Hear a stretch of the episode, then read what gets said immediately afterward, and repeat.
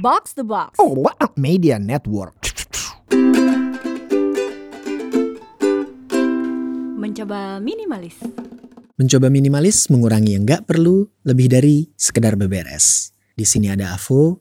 Ketika kita ngobrol dengan orang lain, baik itu dalam sesi casual, wawancara, prospekan, atau ngedate, mungkin banyak dari temins yang masih kesulitan buat menemukan topik pembicaraan atau menggali lawan bicara agar lebih membuka diri atau self-disclosure. Nah, berdasarkan pengalaman gue ketika wawancara orang, baik itu pas lagi syuting dokumenter atau rekaman podcast, terkadang kita hanya perlu mengajukan pertanyaan-pertanyaan yang sederhana loh, yang turns out bisa memancing orang untuk gumuh bercerita.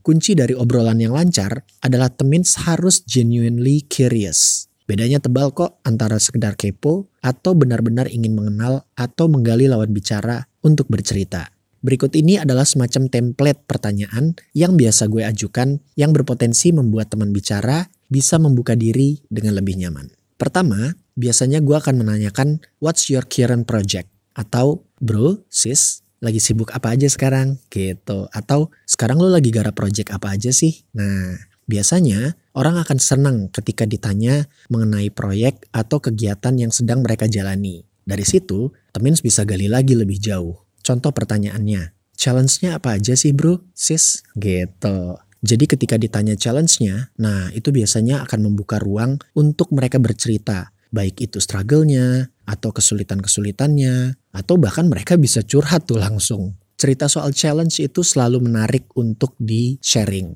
Kenapa? Karena di situlah orang bisa mengekspresikan dirinya dan menuangkan isi kepala atau unek-uneknya secara nggak langsung. Pertanyaan lain yang juga biasanya gue tanyakan adalah, What's your biggest fear and how you deal with it?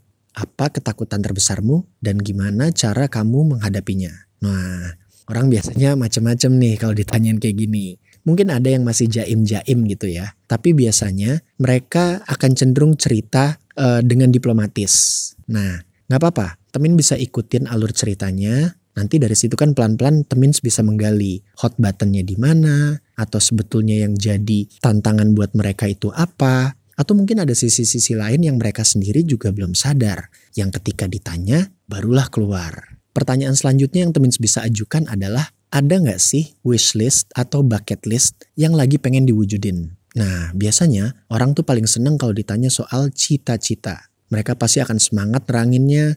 Bahkan dari banyak case yang gue alamin sendiri, orang-orang tuh bisa sampai ngasih reference ke gue. Contoh, misalnya ada temen yang lagi pengen banget trip atau liburan atau traveling keliling dunia dengan destinasi yang eksotis. Wah itu biasanya mereka akan heboh tuh ngasih unjuk gue ini itu. Nah dari situ kemungkinan temins untuk bisa saling share atau saling tukar informasi atau reference atau apa pun itu biasanya bisa lebih terbuka. Teknik atau trik lain yang juga bisa temins coba adalah bermain this or that. Quiz ini biasanya sering gue mainin bareng sama Puri nih kalau kita lagi ada gestar di MM. That ini bisa diisi sama pertanyaan-pertanyaan yang sifatnya receh atau pertanyaan-pertanyaan yang sifatnya sekalian deep. Wah, tambah dilematis atau tambah tricky pilihannya, biasanya itu bisa memancing orang atau memancing lawan bicara temins untuk bisa berekspresi dengan lebih dan mengutarakan pendapatnya dengan lebih luas. Nah dari situ, kalau situasinya udah cair kayak gitu, pasti akan lebih enak buat temins untuk saling self-disclosure. Itu tadi beberapa template pertanyaan yang Temins bisa coba exercise dalam percakapan. Mudah-mudahan bisa bermanfaat dan bisa membantu Temins untuk bisa menjadi genuine conversationalist. Kita ketemu di episode selanjutnya. Avo Chaps. Mencoba minimalis.